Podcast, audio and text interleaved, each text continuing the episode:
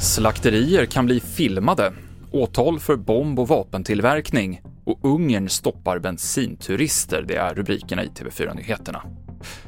Idag så åtalades en man som suttit häktad sedan november misstänkt för att bland annat ha förberett en bomb och tillverkat egna vapen i sitt hem utanför Falköping. Han beskrivs som en ensam varg av åklagaren Henrik Olin.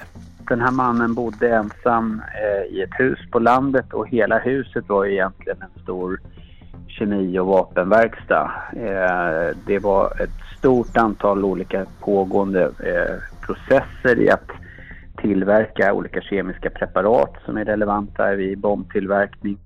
Vid Säpos husrannsakan av den 25-åriga mannens bostad fann man vapen tillverkade av en 3D-printer och flera kemiska ämnen och föremål som kan användas vid bombtillverkning. Man ska också ha hittat ett manifest som 25-åringen skrivit, inspirerat av bland annat Breiviks terrordåd. Syftet var att åstadkomma skada. Syftet var att spränga någonstans där man skadar människor. Och reporter här var Kajsa Lekander.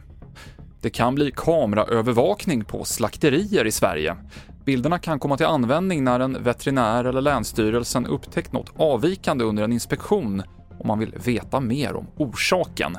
Nu ska en utredare titta på hur den här kameraövervakningen skulle kunna genomföras, till exempel hur bildmaterialet ska lagras. Och Ungern sätter stopp för utlänningar som åker in i landet för att tanka, rapporterar österrikiska medier. Efter att Ungern i november införde ett fast literpris på strax under 13 kronor litern för 95-oktanig bensin så är det många bilister från grannländerna som kört över gränsen för att handla relativt billig bensin. Men nu säger regeringen att det är slut med bensinturismen och det kommer bli påslag för alla bilar som inte har ungerska nummerplåtar. Fler nyheter hittar du på tv4.se. Jag heter Mikael Klintevall.